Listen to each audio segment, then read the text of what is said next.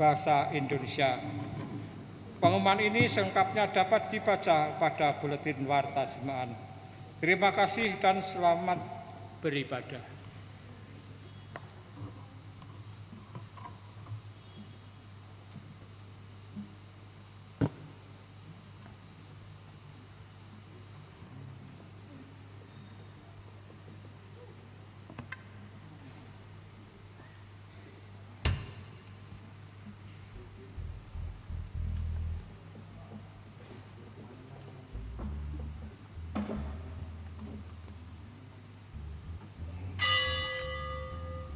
Shalom. Shalom, selamat sore kepada Bapak dan Ibu serta jemaat yang boleh hadir pada kesempatan ibadah di sore hari ini. Ibadah tim ekspresif pada sore hari ini di penghujung bulan keluarga dilayani oleh Bapak Pendeta Hendra Kurniawan dan juga dari tim musik Balagangsa dan juga dari tim Perdasa. Kita akan bersama-sama memulai akan ibadah ini, mari kita persiapkan hati kita, mari kita memperbarui komitmen kita, mari kita berdoa. Bapak Surgawi, terima kasih Tuhan pada kesempatan sore menjelang malam hari ini. Tuhan mengetuk pintu hati kami untuk kami boleh hadir mengikuti ibadah pada malam hari ini. Ini semua karena karya Tuhan yang luar biasa, karena kasih Tuhan yang ditunjukkan kepada kami untuk kami boleh bersama-sama beribadah pada malam hari ini.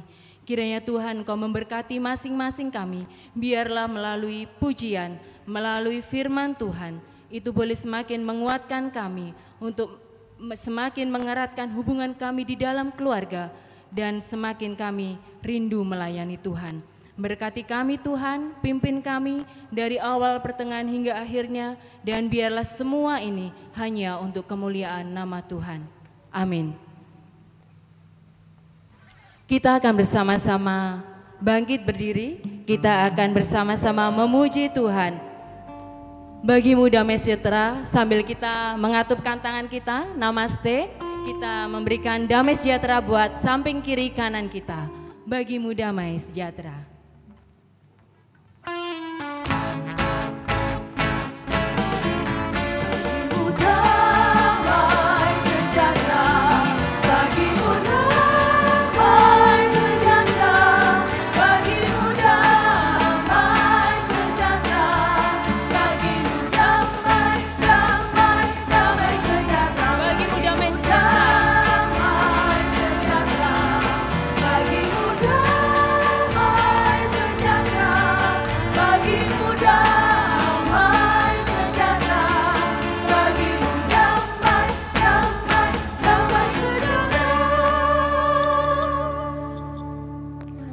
Dari mana datangnya cinta?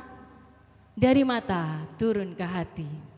Begitu indahnya cinta hingga setiap orang menginginkan dirinya untuk dicintai dan mencintai. Keluarga membutuhkan cinta. Ketika pernikahan mulanya dibangun, cinta mewarnainya. Namun dikala perjalanan hidup, di manakah cinta itu? Seringkali perselisihan, kebekuan, hambarnya kehidupan keluarga, justru itu yang kita temukan. Kita terasa menjadi letih menjalani kehidupan ini. Betapa mudahnya kita terkadang saling menyakiti, betapa rentannya kita menjatuhkan satu dengan yang lainnya yang seharusnya mereka kita cintai. Oleh karena itu, melalui ibadah penutupan bulan keluarga saat ini, kita diajak kembali untuk merefleksikan makna cinta di dalam kehidupan pernikahan rumah tangga kita. Walaupun langkah hidup terkadang tertatih, cinta yang akan menguatkannya hingga pada kesudahan dunia ini. Bagaimanapun di dalam hidup kita pasti ada pergumulan. Tetapi marilah kita datang kepada Tuhan, menghadirkan perjumpaan kita bersama orang-orang yang kita kasihi dan kita cintai, sehingga keluarga kita senantiasa berpusat kepada Bapa kita yang di surga.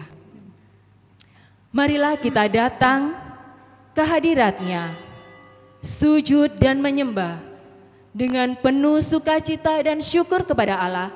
Kita pujikan, kami puji dengan riang dari Kidung Jemaat 3, bait yang pertama dan yang kedua. Kami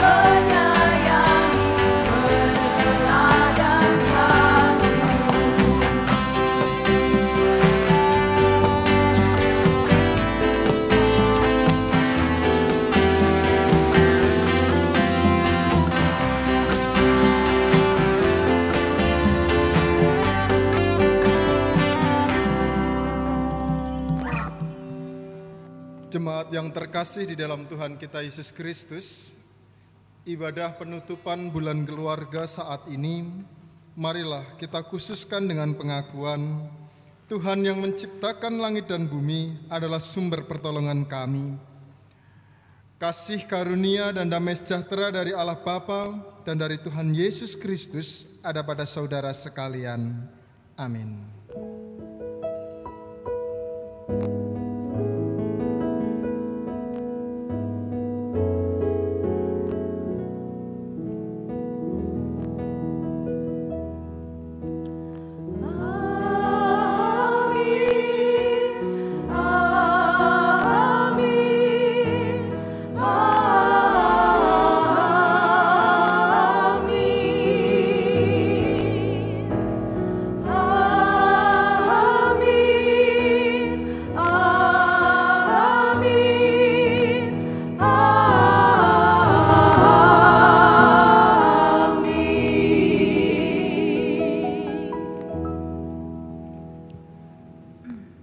Dipersilakan untuk duduk kembali.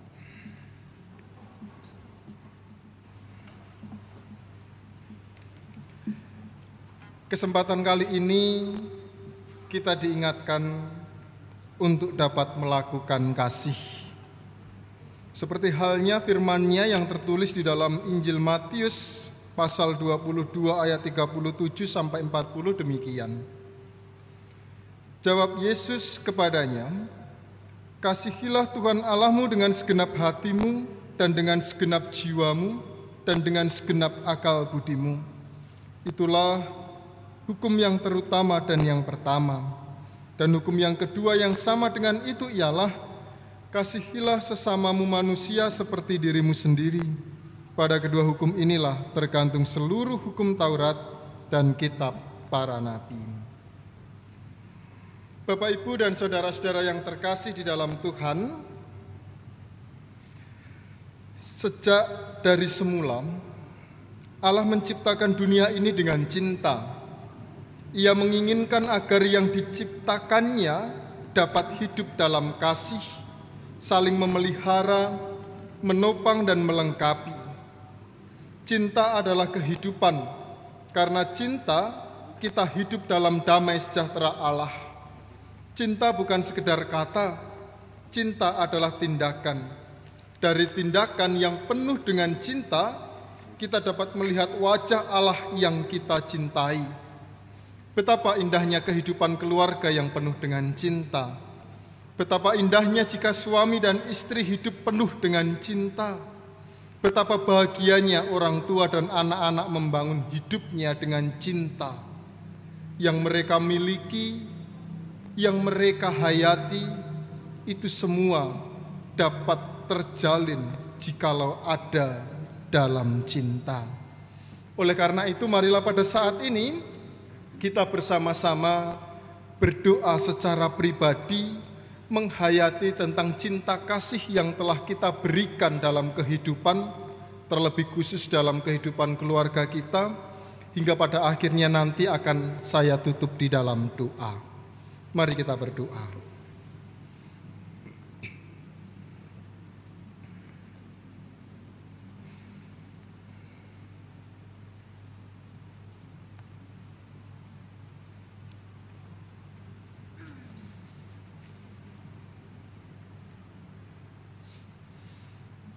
Allah Bapa Surgawi,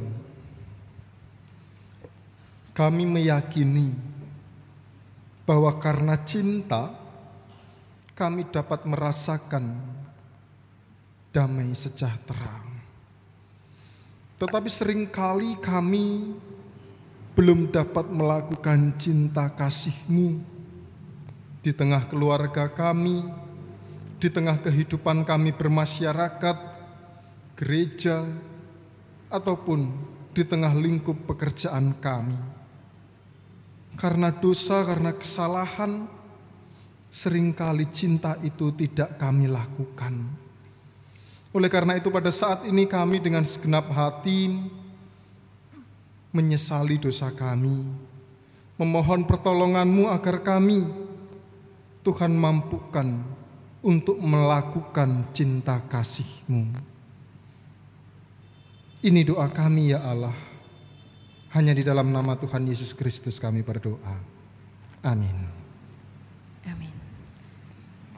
Kasih itu lemah lembut, sabar, sederhana, murah hati, rela menderita. Mari kita melalui pujian penyesalan, kita memohon kepada Bapa untuk mengajarkan kita bahasa cinta.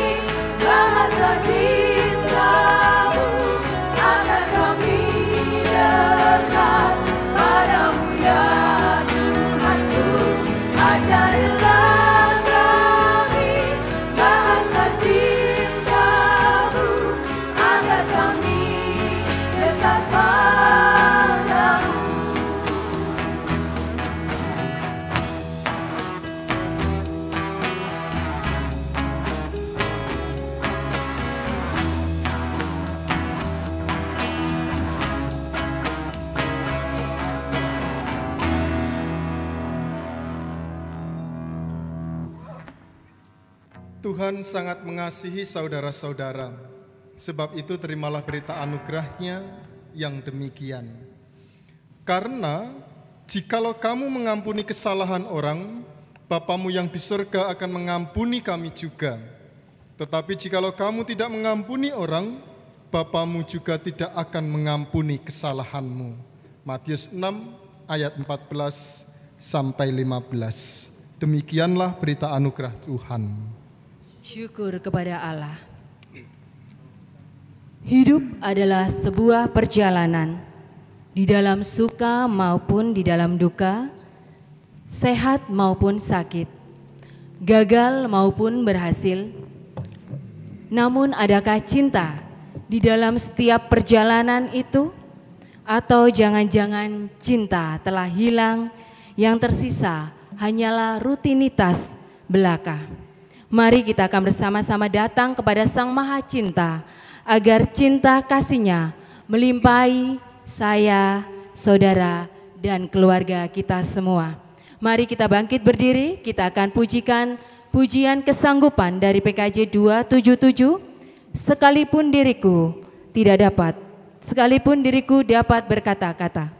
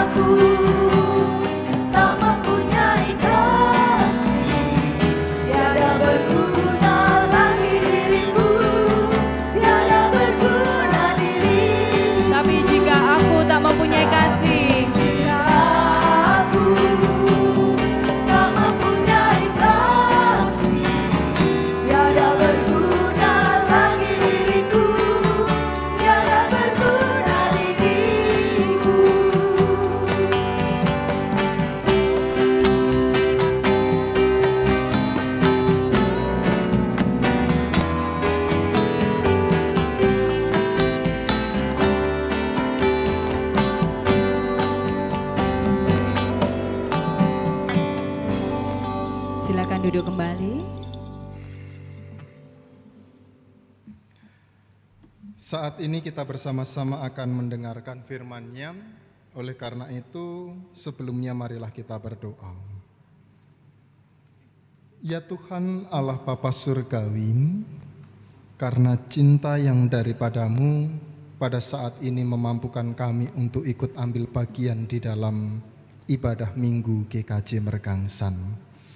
Dan pada saat ini kami bersama hendak mendengarkan firman-Mu Biarlah rohmu yang kudus memampukan kami untuk dapat menerima firman-Mu dan melakukannya dalam kehidupan hari lepas hari.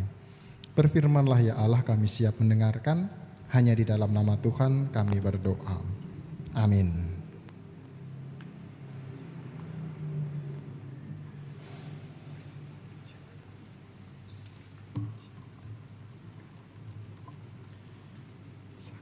Bacaan pertama akan kita ambil di dalam Imamat 19 ayat 1 sampai dengan 2 ditambah ayat 15 sampai dengan 18. Demikianlah firman Tuhan. Kudusnya hidup.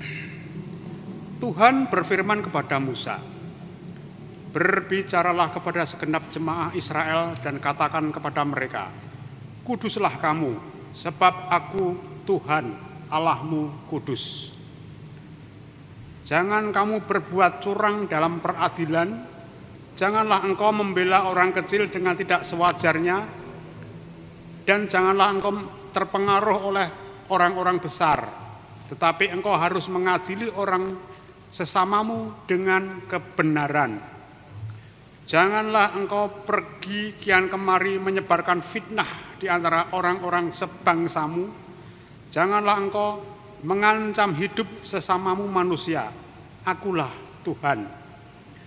Janganlah engkau membenci saudaramu di dalam hatimu, tetapi engkau harus berterus terang menegur orang sesamamu, dan janganlah engkau mendatangkan dosa kepada dirimu karena dia.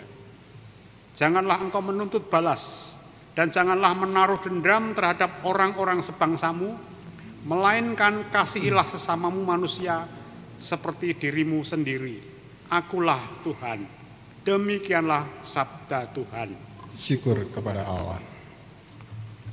Kita lanjutkan kembali.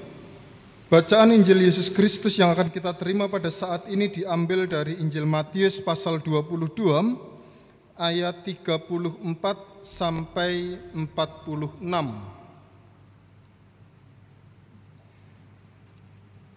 Injil Matius pasal 22 ayat 34 sampai 46. Ada dua pokok perikop judul yang akan kita renungkan bersama-sama. Yang pertama berkaitan dengan hukum yang terutama dan yang kedua berkaitan dengan hubungan antara Yesus dan Daud. Demikian firman-Nya. Ketika orang-orang Farisi mendengar bahwa Yesus telah membuat orang-orang Saduki itu bungkam, berkumpullah mereka dan seorang dari mereka, seorang ahli Taurat bertanya untuk mencobai dia. Guru, hukum manakah yang terutama dalam hukum Taurat? Jawab Yesus kepadanya, Kasihanilah Tuhan Allahmu dengan segenap hatimu dan dengan segenap jiwamu dan dengan segenap akal budimu Itulah hukum yang terutama dan yang pertama. Dan hukum yang kedua yang sama dengan itu ialah kasihilah sesamamu manusia seperti dirimu sendiri. Pada kedua hukum inilah tergantung seluruh hukum Taurat dan kitab para nabi. Ketika orang-orang Farisi sedang berkumpul, Yesus bertanya kepada mereka katanya, Apakah pendapatmu tentang Mesias? Anak siapakah dia? Kata mereka kepadanya, anak Daud. Katanya kepada mereka, "Jika demikian, bagaimanakah Daud oleh pimpinan roh dapat menyebut dia tuannya ketika ia berkata, Tuhan telah berfirman kepadaku, Tuanku, duduklah di sebelah kananku sampai musuh-musuhmu kutaruh di bawah kakimu." Jadi, jika Daud menyebut dia tuannya, bagaimana mungkin ia anaknya pula? Tidak ada seorang pun yang dapat menjawabnya, dan sejak hari itu tidak ada seorang pun juga yang berani menanyakan sesuatu kepadanya. Demikianlah firman Tuhan yang berbahagia adalah bagi kita yang menerima firman itu, memeliharanya dan melakukannya dalam kehidupan hari lepas hari. Haleluya.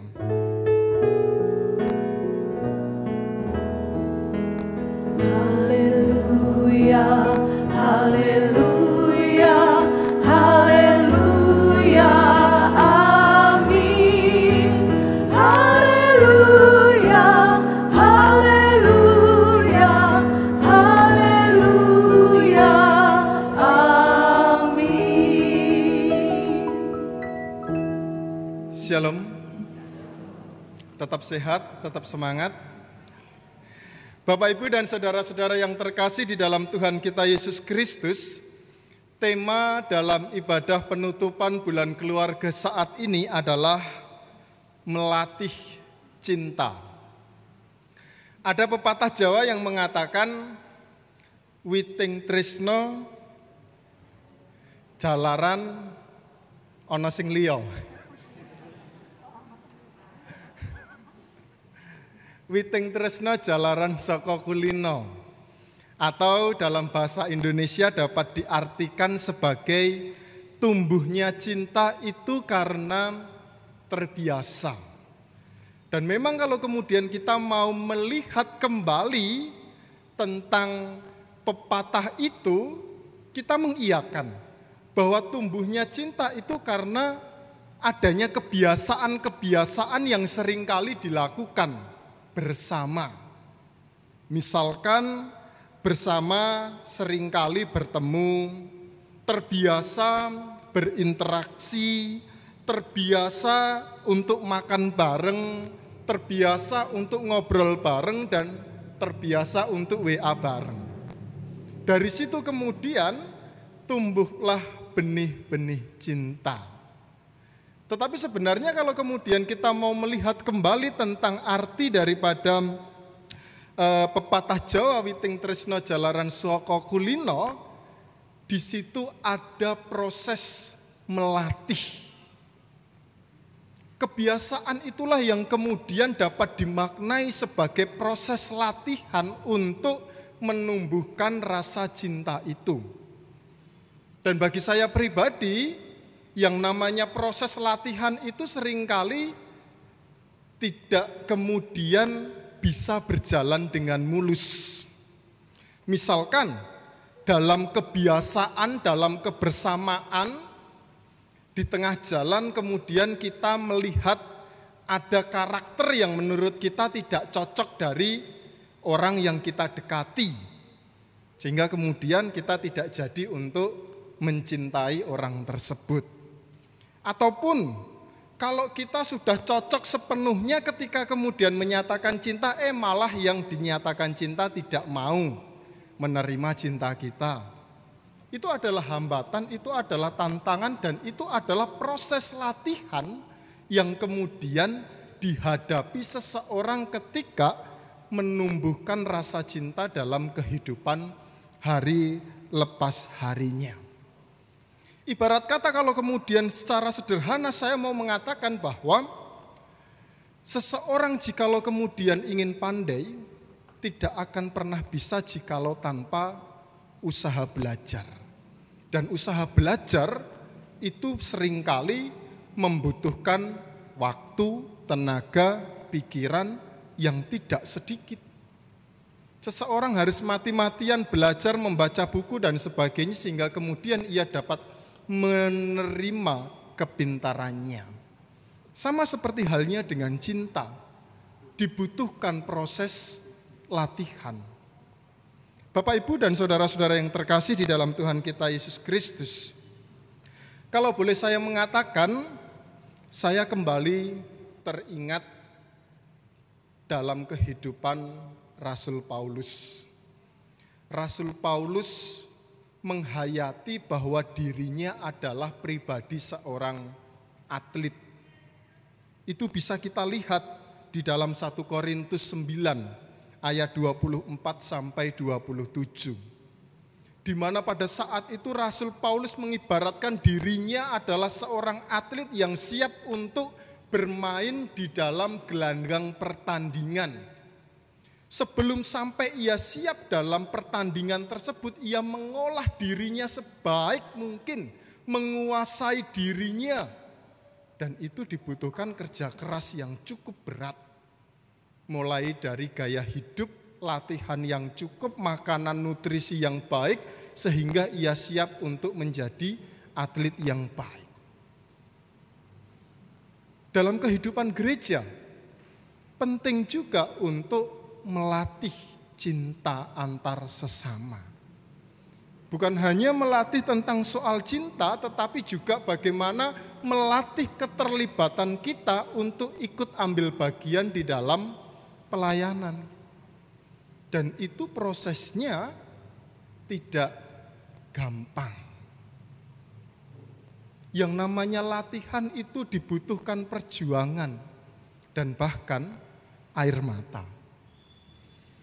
Ketika saya masuk di GKJ Mergangsan tahun 2012, oh sorry, 2013 awal, kemudian waktu itu orientasi kurang lebih tiga bulan, ketua pemanggil pendeta, uh, ketua pemanggilan pendeta pada saat itu kalau tidak salah Pak Murni Rahminarto, nggih. Leres? Ya. Kemudian saya disodorkan jadwal PA. Mulai dari hari Senin sampai hari Sabtu. Dan jadwal PA GKJ Mergangsan itu satu hari bisa dua sampai tiga wilayah.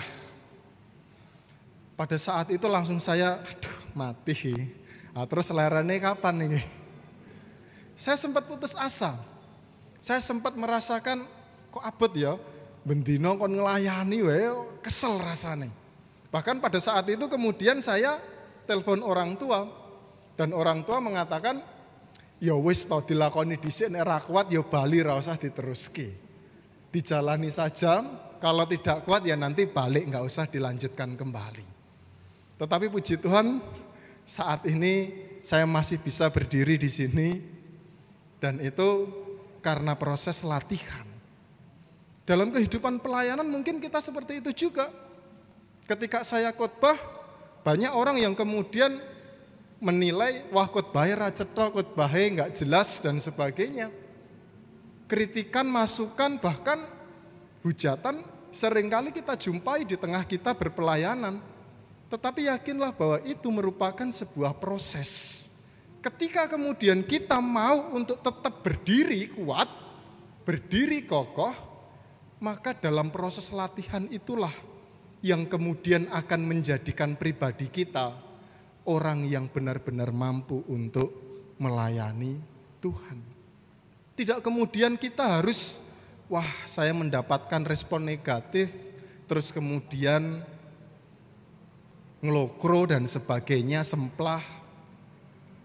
Yesus mengendaki agar kita dapat melatih iman kita, melatih setiap apa yang ada dalam kehidupan kita, termasuk dalam keluarga. Proses yang paling berat dihadapi dalam kehidupan keluarga adalah proses latihan. Apalagi jikalau kemudian dia baru membangun keluarga. Proses yang paling berat adalah melihat karakter masing-masing Seringkali itu tidak cocok sehingga kemudian menimbulkan permasalahan perpecahan sampai pada perceraian. Kalau karakternya cocok, eh jelalah punya anak terus nanti anaknya nakalis setengah mati. Yang satu sibuk bekerja, yang satu capek ngurusi kerjaan di rumah, hingga kemudian juga merasa tidak adil dan sebagainya. Itu adalah proses latihan yang kemudian Tuhan izinkan dalam kehidupan kita. Agar kita dibentuk, agar kita dapat melihat kemuliaan Tuhan. Bagaimana dengan Yesus? Iya, Yesus pun juga demikian. Ketika Yesus datang ke dunia, kita dapat melihat bagaimana banyak sekali orang yang tidak setuju dengan apa yang dikatakan Yesus dilakukan oleh Yesus dan sebagainya. Dalam minggu-minggu ini kita diperlihatkan kembali bagaimana orang-orang Farisi ahli-ahli Taurat itu sangat menolak keberadaan Yesus. Kemarin Yesus dicobai tentang bagaimana membayar pajak. Pada saat ini Yesus pun juga kembali dicobai tentang hukum yang terutama dalam Taurat. Itu adalah proses yang kemudian dilakukan oleh Yesus. Dan yang menariknya dalam kondisi ujian yang dihadapi oleh Yesus, ia kemudian mengatakan esensi, inti daripada hukum Taurat itu. Sepuluh hukum Taurat seperti yang kita ketahui. Jangan ada padamu Allah lain di hadapanku. Jangan menyebut Tuhan Allahmu dengan sembarangan. Terus kemudian eh, jangan menyembah bagimu patung yang menyerupai apa pun. Ingatlah dan kuduskanlah hari sabat.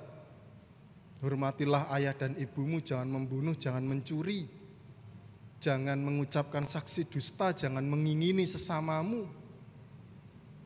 Dalam pemahaman Yesus 10 hukum Taurat itu kemudian dijadikan dua hukum yang penting.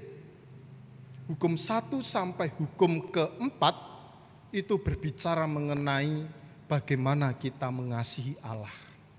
Hukum kelima sampai hukum ke sepuluh itu berbicara mengenai bagaimana kita mengasihi sesama. Dua hal itu sama besarnya, sama pentingnya. Dan ketika kemudian seseorang mau untuk mengasihi manusia dan mengasihi Tuhan, maka seseorang bisa hidup di dalam hukum Taurat itu dengan baik. Dan di dalam proses mengasihi Tuhan dan sesama itu dibutuhkan proses latihan yang cukup berat. Tidak semua orang rajin datang ke gereja. Tidak semua orang bisa mengasihi sesamanya. Apalagi jikalau kemudian ada konflik permasalahan. Mungkin mengasihi sesama menjadi suatu hal yang tersendiri beratnya. Tetapi Yesus kemudian mengingatkan kembali agar kita bisa diproses. Agar kita bisa dilatih dalam mengasihi Tuhan dan mengasihi sesama. Perikop yang kedua, Yesus kemudian berbalik. Ia menguji orang-orang Farisi dan ahli-ahli Taurat dengan bertanya tentang siapa Mesias. Kemudian orang Farisi menjawab bahwa Mesias itu adalah anak Daud. Hal itu kemudian disanggah kembali jikalau kemudian Mesias itu anak Daud. Kenapa? Daud mengatakan tuannya duduk di sebelah kanan dan di sebelah kiri. Kemarin saya membuka sedikit tafsiran. Dan rupanya untuk menjawab apa yang ditanyakan oleh Yesus ini, kembali melihat pada pokok perikop bagaimana Allah itu datang ke dunia sebagai pribadi Allah yang kenosis atau merendahkan diri di hadapan manusia dengan mengambil seorang rupa hamba sebagai manusia. Dan itu dapat kita lihat di dalam kitab Filipi 2 ayat 6 sampai 8. Allah yang boleh dikatakan kedudukannya jauh lebih tinggi daripada Daud, itu kemudian mengambil rupa seorang hamba dan menjadi manusia. Itu adalah proses merendahkan diri yang sangat luar biasa besar. Yang menjadi patokan orang-orang Israel, orang-orang Yahudi pada saat itu adalah Daud. Karena memang Daud ini bisa dikatakan sebagai raja yang besar. Dia adalah raja yang mampu menyatukan Israel Utara dan Selatan. Dari situlah kemudian banyak orang yang kemudian beranggapan bahwa generasi keturunan Daud itu adalah generasi yang layak dijadikan sebagai raja. Nah kalau kemudian kita mau melihat di kitab Matius 1 berkaitan dengan silsilah Yesus, kita akan melihat bagaimana Abraham sampai dengan Yusuf itu masuk dalam silsilah keturunan Yesus Kristus dan Daud ada di dalamnya. Daud merupakan keturunan dari Abraham. Jadi kalau kemudian Yesus adalah Mesias, Yesus berhak untuk memperoleh gelar pemimpin yang diakui di tengah komunitas Yahudi pada saat itu. Meskipun kita ketahui bersama bahwa Yesus ini lahir dari Roh Kudus, ia tidak lahir dalam situasi hubungan biologis, tetapi secara akte Maria adalah istri yang sah Yusuf, sehingga kemudian Yesus tercatat sebagai anak yang sah dari Yusuf. Itu ingin menunjukkan bagaimana keturunan Abraham terus kemudian Daud sampai kepada Yesus berhak menjadi seorang pemimpin dan Mesias. Dari pertanyaan itulah kemudian orang-orang Taurat tidak bisa menjawab hingga pada akhirnya ia stop untuk mencobai Yesus. Kembali kepada proses latihan. Pada saat ini kita kembali diingatkan bahwa yang namanya proses latihan itu dibutuhkan perjuangan yang cukup besar. Tenaga, waktu, dan pikiran. Bahkan jikalau kemudian kita mau melihat dari kitab imamat tadi, untuk melatih itu dibutuhkan kesabaran, keadilan, dan sebagainya. Bagaimana dengan kita? Apakah kita mau diproses untuk melatih cinta itu di dalam kehidupan keluarga kita? Apakah kemudian kita juga mau melatih proses pelayanan kita? Apakah kita kemudian mau melatih kasih cinta di tengah masyarakat dan pekerjaan kita? Seberat apa pun yang akan kita hadapi, tetapi jikalau kemudian kita mendasarkan diri dengan firman Tuhan, kita yakin kita akan dimampukan untuk menjadi pribadi yang penuh cinta melalui proses latihan yang berat. Tuhan memberkati kita. Amin. Saat teduh bagi kita.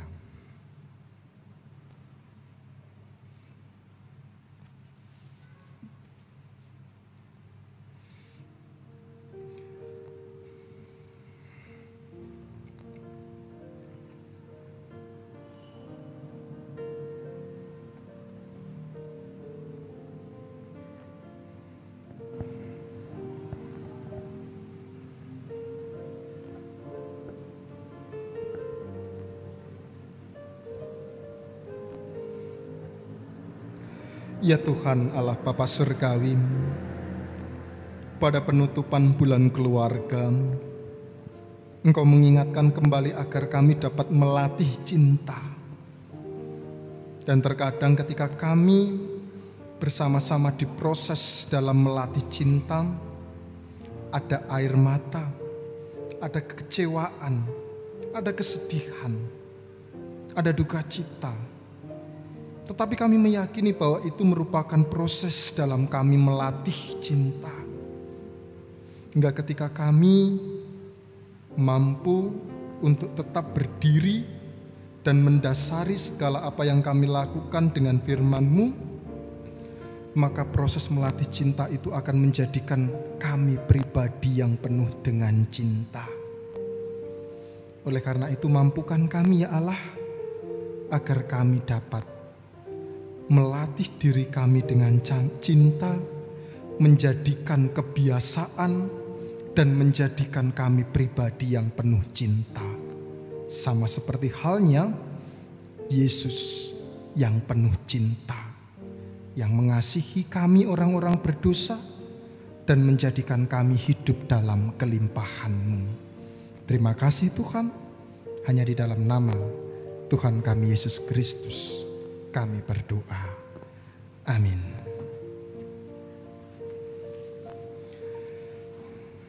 Bapak, Ibu, dan saudara-saudara yang terkasih, marilah pada saat ini kita berdiri. Kita akan mengikrarkan pengakuan kita melalui pengakuan iman rasuli.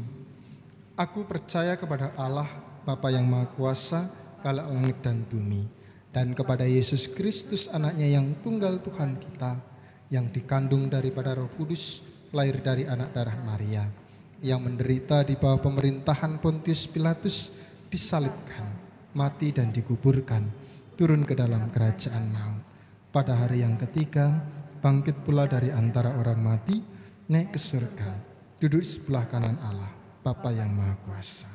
Dan akan datang dari sana untuk menghakimi orang yang hidup dan yang mati. Aku percaya kepada Roh Kudus, gereja yang kudus dan am, persekutuan orang kudus, pengampunan dosa, kebangkitan daging dan hidup yang kekal. Amin. Dipersilakan untuk duduk kembali. Marilah pada saat ini kita menyiapkan hati kita, kita masuk di dalam doa syukur dan syafaat. Mari kita berdoa. Allah Bapa Surgawi, Allah yang penuh dengan cinta kasih.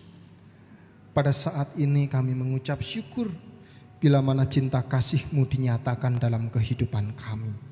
Karena cinta kasih-Mu Tuhan memampukan kami untuk dapat menjalani kehidupan ini dengan penuh syukur. Meskipun terkadang kami merasa bahwa kehidupan ini semakin berat, tetapi cinta kasih Tuhan menjadikan kami pribadi yang kuat, yang senantiasa dapat melihat kehendak-Mu. Oleh karena itu pada saat ini kami mau menyerahkan kehidupan keluarga kami, kehidupan gereja kami, kehidupan bangsa dan negara kami. Biarlah itu semua dapat bahu-membahu, dapat melatih cinta, dapat menumbuhkan cinta, dan dapat mempunyai kepribadian yang penuh dengan cinta. Ketika kami boleh mendasarkan setiap apa yang kami lakukan dengan cinta, kami meyakini bersama bahwa damai sejahtera Tuhan akan dinyatakan. Oleh karena itu, pakai setiap warga jemaat GKJ Mergangsan sebagai sarana untuk kepujian dan kemuliaan namamu melalui setiap pelayanan, melalui setiap kegiatan yang dilakukan di tengah-tengah GKJ Mergangsan, biarlah itu semua dapat menjadikan kami merasakan damai sejahtera Tuhan.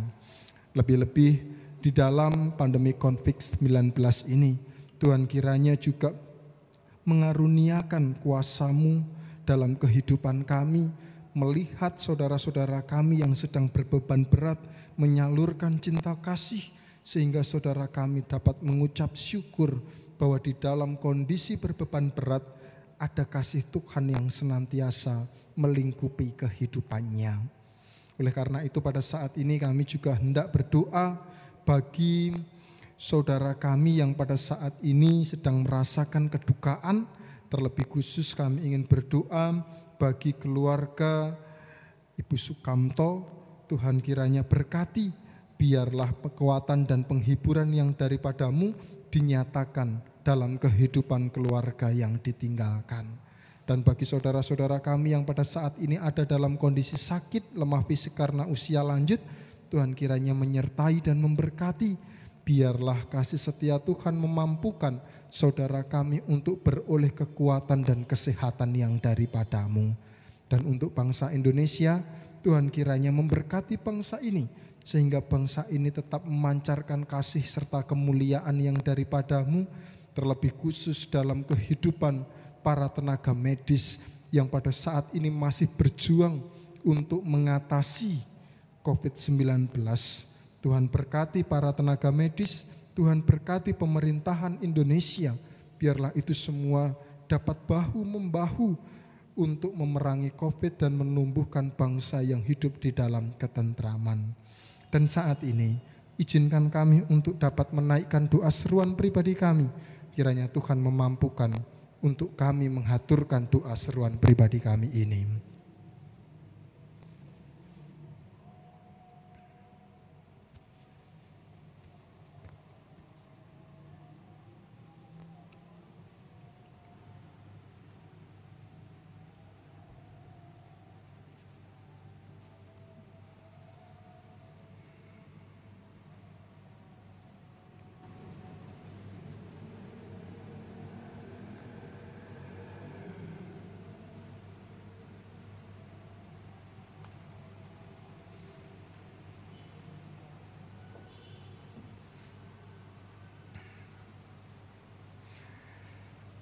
Inilah doa seruan pribadi kami ya Allah. Segala doa permohonan ungkapan syukur yang kami naikkan di dalam doa syafaat ini, kiranya kehendakmu dinyatakan. Dan bila mana terselip dosa dan kesalahan ketika kami mengaturkan doa ini, kiranya Tuhan Sang Maha Pengampun mengampuni setiap dosa dan kesalahan kami. Hanya di dalam nama Tuhan kami Yesus Kristus kami berdoa dan mengucap syukur. Amin.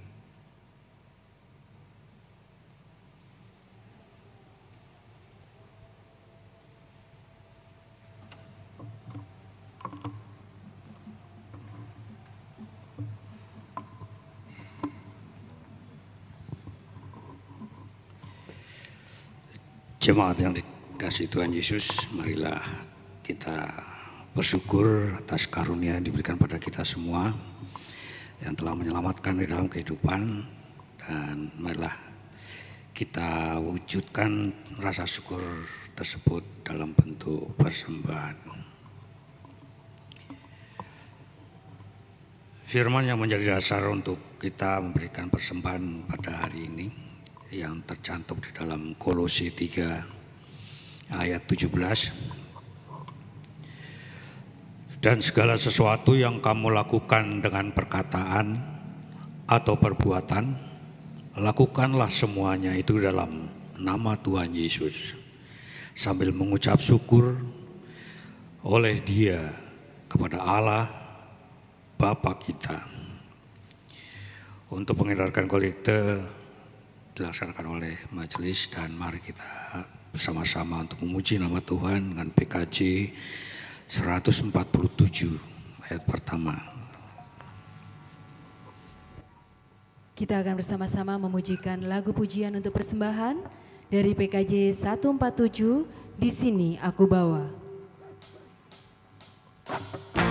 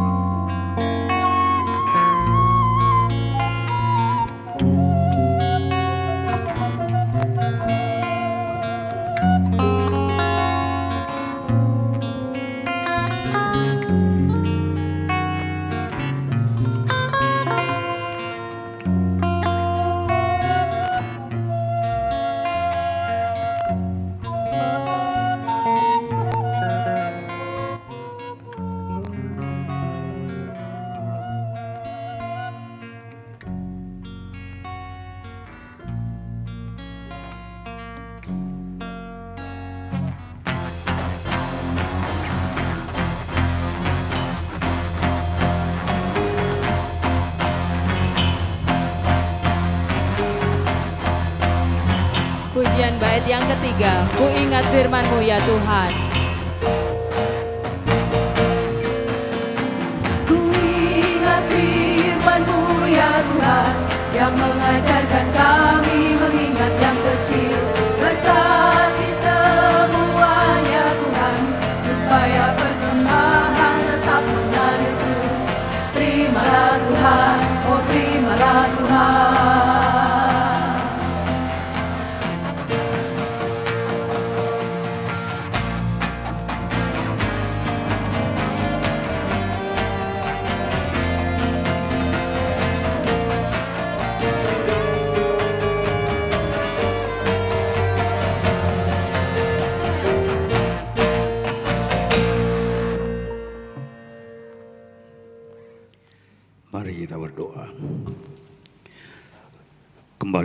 Seketika mengucapkan puji syukur atas karunia yang kau berikan kepada kami ya Tuhan. Kau telah menyelamatkan kami, kau telah memberi kesehatan dan menganugerahkan kehidupan kami. Dan juga terlebih pada sore hari ini kau masih memberikan kami kesempatan untuk berkumpul bersama-sama mengumpulkan persembahan rasa syukur di hadapanmu. Rasa syukur yang sekecil ini kiranya Engkau berkati dan berguna bagi kehidupan dan memperlebar sayapmu di dalam kehidupan dunia ini ya Tuhan. Dan terima kasih ya Tuhan Engkau telah memberikan kami kemampuan untuk memberikan persembahan. Dan juga kami telah mendengarkan sabdamu yang dibawakan oleh Indra Kurniawan tentang cinta kasih sebagai dasar hukum yang utama bagi kita semua yang dapat mempertebal iman kiranya dapat kita laksanakan bersama-sama dalam kehidupan sehari-hari dengan rasa rendah hati seperti yang diberikan di dalam sabdamu kiranya memberikan kami kemampuan untuk berkomunikasi di dalam kehidupan Terima kasih ya Tuhan, masih banyak hal yang kami sampaikan dalam doa ini. Mari kita bersama-sama dengan mengucap doa Bapa kami dalam bentuk lagu. Bapa kami,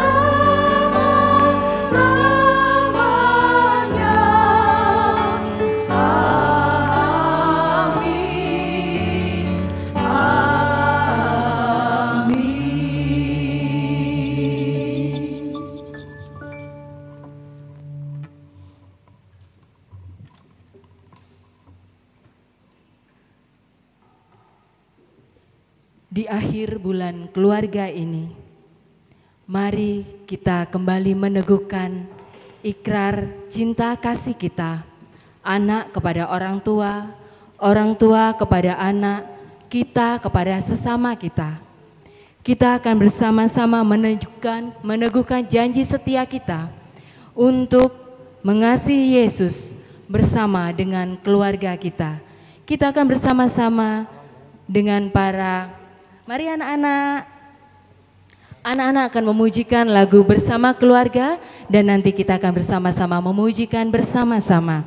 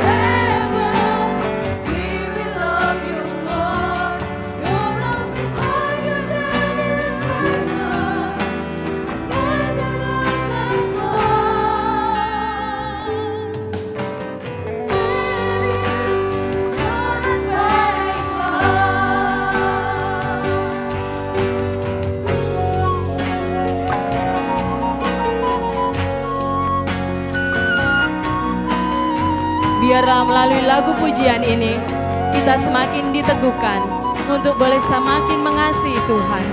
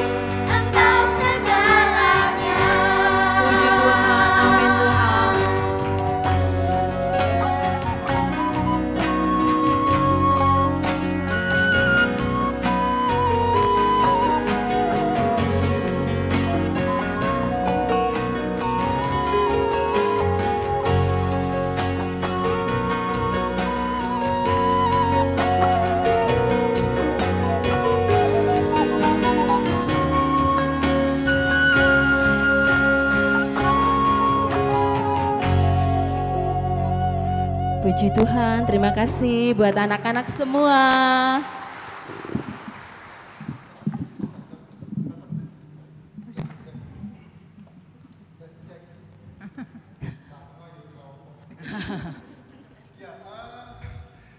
Sudah bunyi, Mater Nuan. Kita berikan plus sekali lagi. Ya.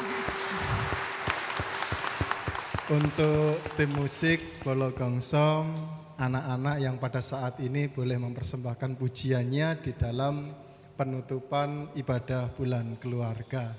Kiranya Tuhan Yesus memberkati. Amin. Terima kasih Pak Pendeta Hendra. Satu lagi selamat ulang tahun Mbak Septi. Terima kasih. ya, mari kita berdiri, kita bersama-sama masuk di dalam pengutusan.